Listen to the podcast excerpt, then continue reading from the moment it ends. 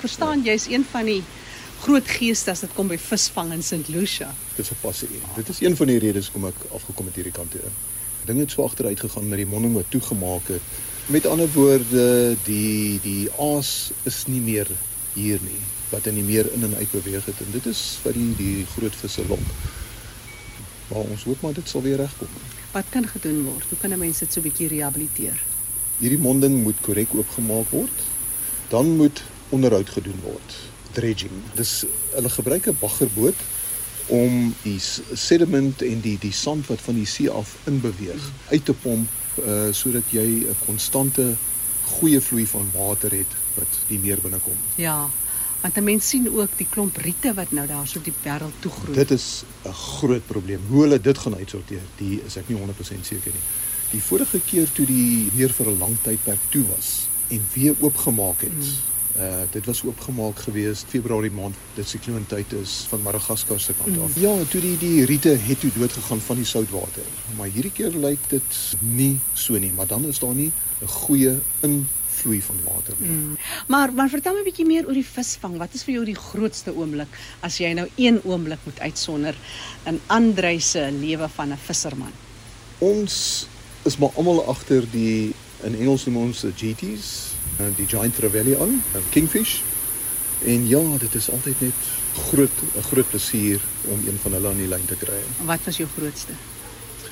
Hier by die 40 kg. Liewe genigtig. Ja. En maar dis ook 'n vis wat jy vang en weer vrylaat. Absoluut. Hmm. Absoluut ja. Dit gaan alles om vis weer terug te sit. Maar dan jy kan nie al die vis terugsit nie want van tyd tot tyd dan sluk hulle die hoeke in of hulle word verkeerd gehak en dan hulle kom huis toe. Dis vir die pot dan. Andre maar dis nie net die visse hier is die mooiste mooiste kombinasie van diere en ons praat van groot diere. Dis word beskou as die gevaarlikste dier op die Afrika kontinent. Hy bly hier op jou voorstoep. Absoluut uh, ons praat van die seekoei hoekom is hulle so naby jou? Ja ons sê die meer aan die onderkant van ons grond. Meeste van my bure is toegespan ek is ook ek het juis vir daai rede nie toegespan by my nie sodat die seekoeie kan deurbeweeg hier in die nag. En behalwe van die seekoeie, ons het nou so ruk terug het ons die ratels hier in die tuin gehad. Ons het slange, nee die fauna, die flora, die diere is absoluut ongewoon hierso. Jy het nou vinnig vir my vertel ook van die seekoeie en hulle interaksie met jou. Dit klink of jy nogal half maar versigtig is en jou afstand hou. Absoluut. Dit is die gevaarlikste dier in Afrika wat die meeste uh, mense doodmaak. So jy moet hulle respekteer. As jy dit nie doen nie, een van ons mense hierso het 'n paar jaar gelede het sy hond geblaf. Hy het gaan kyk waaroor die hond blaf en hy het 'n groot fout begaan om nie 'n ligsaam met hom te vat nie.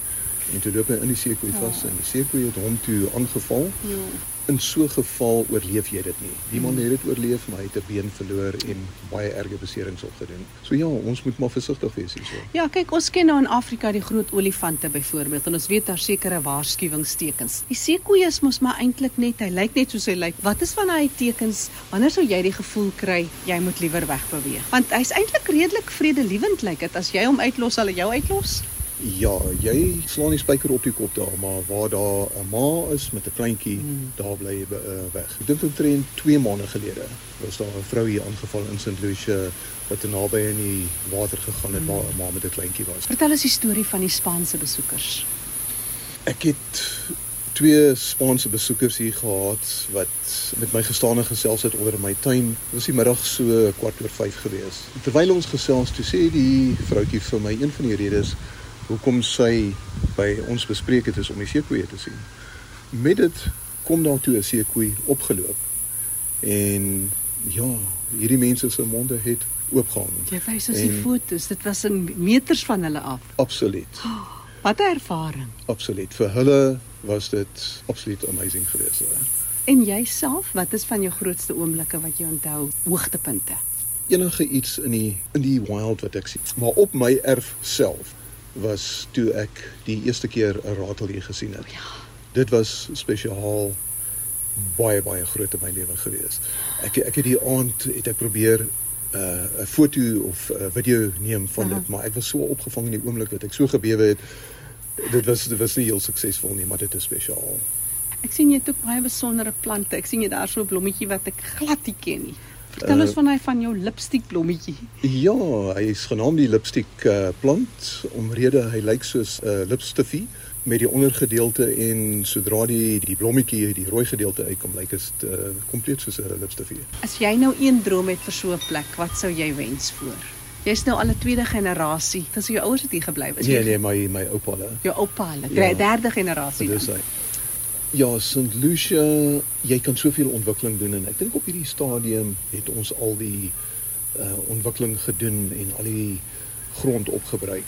Dit sal vir my baie goed wees as daar nie verdere ontwikkeling. Ja.